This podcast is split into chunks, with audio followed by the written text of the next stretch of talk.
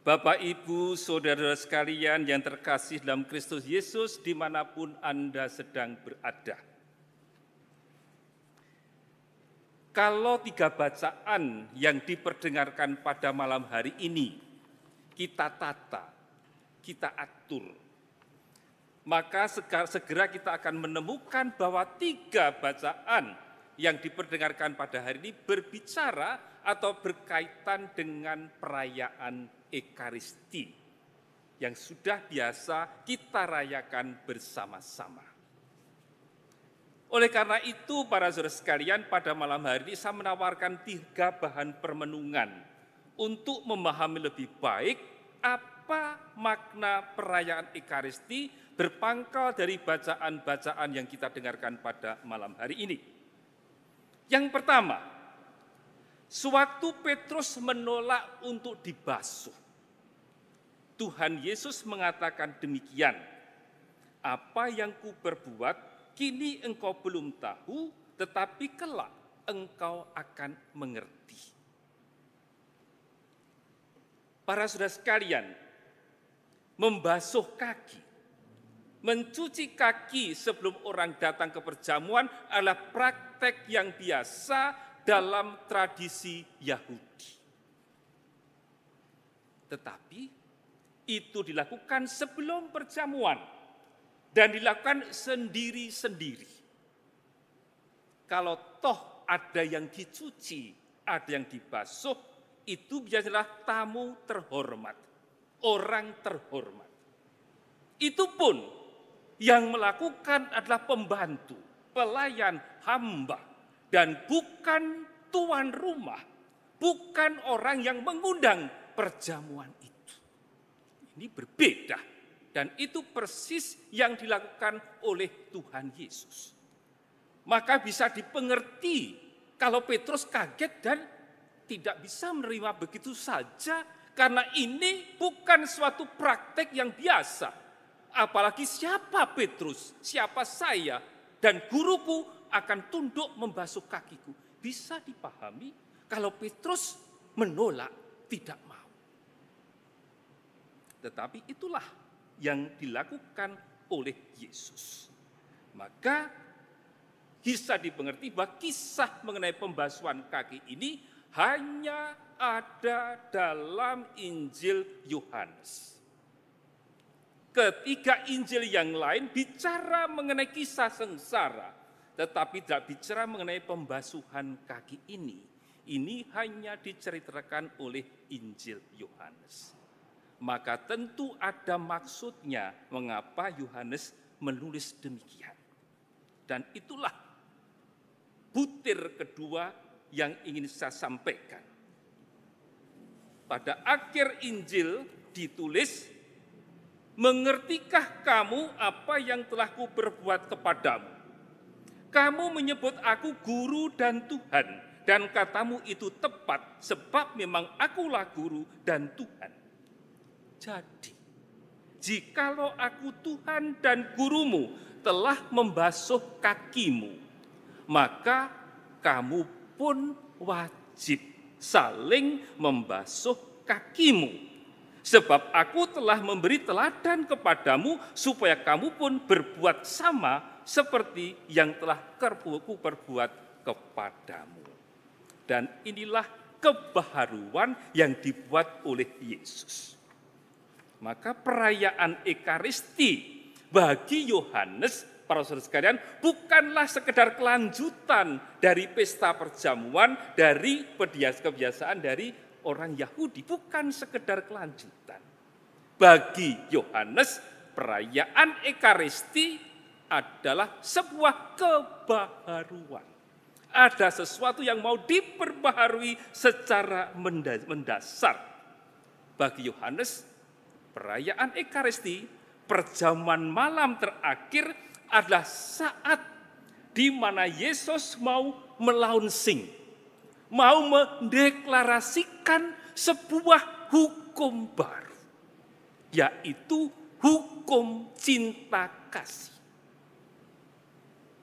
Hukum cinta kasih bukan lagi berpangkal pada hukum yang ditulis dalam peraturan kata-kata huruf, tetapi hukum cinta kasih ditulis oleh Allah sendiri dalam hati setiap manusia.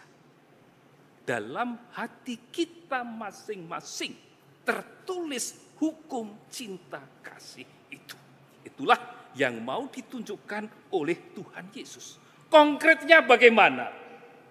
Perintah cinta kasih itu terwujud dalam tindakan saling membasuh kaki. Maka tindakan Yesus ada sebuah contoh Bagaimana Yesus merendahkan diri untuk mencuci kaki para murid. Dan kita pun diundang untuk saling membasuh kaki satu sama lain. Maka perayaan Ekaristi menuntut bahwa kita memang saling mencuci kaki, saling membasuh kaki, melayani satu sama lain karena Kristus hadir dan diam dalam setiap pribadi, dalam diri sesama kita. Membasuh kaki berarti mencintai sesama, terutama mereka yang saya rasa tidak layak untuk dicintai, mencintai mereka itu. Membasuh kaki berarti berbuat baik kepada sesama tanpa pamrih Membasuh kaki berarti mengampuni sesama, juga kalau orang itu tidak mau atau tidak mengatakan minta maaf kepada kita, kita pun mengampuni orang itu. Membasuh kaki berarti melayani mereka, melayani sesama kita, juga kalau pekerjaan itu terasa berat dan tidak mudah.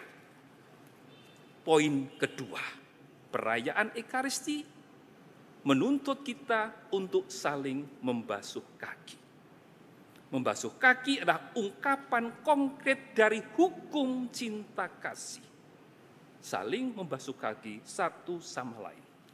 Permenungan yang ketiga. Para saudara sekalian, kita sering menyebut perayaan Ekaristi itu juga dengan kata misa. Misa Jampiro. Ekaristi Jampiro. Apa praktik dan misa itu sama? Sama. Lalu, kata misa itu berasal dari mana? Kok praktikas dan misa itu sama? Misa. Itu para saudara sekalian berasal dari bahasa Latin yang dalam misa bahasa Latin diucapkan pada akhir Ekaristi. Ite misa es. Jadi ada kata itu, ada kata misa pada akhir Ekaristi dalam bahasa Latin. Dan misa artinya perutusan, diutus. Maka dalam penutupan ekasi dikatakan misa sudah selesai, pergilah Anda kita diutus. Atau kita diutus untuk mewartakan kebaikan Tuhan. Singkat kata, pada akhir Ekaristi kita menerima perutusan. Itulah kata misa. Berarti bahwa dalam Ekaristi kita diutus. Lalu artinya apa? Artinya, para saudara sekalian, dalam Ekaristi kita menerima tubuh Kristus dalam komuni. Dalam Ekaristi kita juga mendengarkan sabda Tuhan yang dibacakan. Oleh karena itu, bahwa kita selama itu menerima berkat. Kita mengambil semacam nutrisi rohani supaya kita setelah menyambut tubuh Kristus, mendengarkan sabdanya, kita diperkuat untuk berjalan bergulat lagi di tengah-tengah masyarakat. Itulah sebabnya dalam akhir Ekaristi dikatakan imam mengatakan Ekaristi sudah selesai, pergilah Anda diutus. Nah, kita setelah Ekaristi ada perutusan bagi kita. Maka Ekaristi, misa tidak berakhir pada waktu di gereja gedung gereja ini. Setelah Ekaristi selesai, misa selesai, kita diutus untuk melanjutkan berkat yang kita terima dalam Ekaristi kepada sesama kita. Dibawa pulang untuk dipraktekkan di tengah keluarga. dipraktekkan di tempat di mana kita bekerja. Dengan lain kata, Ekaristi tidak hanya dirayakan di sekitar altar. Harus dibawa di tengah-tengah pasar. Artinya, kehidupan kita sebagai orang Katolik tidak cukup di ruangan ini. Harus menjadi garam di tengah-tengah masyarakat kita mengambil bekal, kita mencoba mendapatkan nutrisi rohani dalam ekaristi, dalam misa. Sepulang dari misa, kita mewartakan kabar gembira kepada orang-orang di sekitar kita. Keluarga, tempat kerja, di pasar, di mana pun kita berada. Maka mari kita mohon rahmat kepada Tuhan. Agar malam hari ini, sewaktu kita merayakan, diajak untuk mengingat, hari ini adalah semacam penetapan ekaristi perjamuan cinta kasih, kita juga semakin diperkuat agar saat setiap kali kita merayakan ekaristi, kita juga menyadari tugas perutusan kita sebagai orang-orang Katolik. Nama Allah dipuji kini dan sepanjang masa.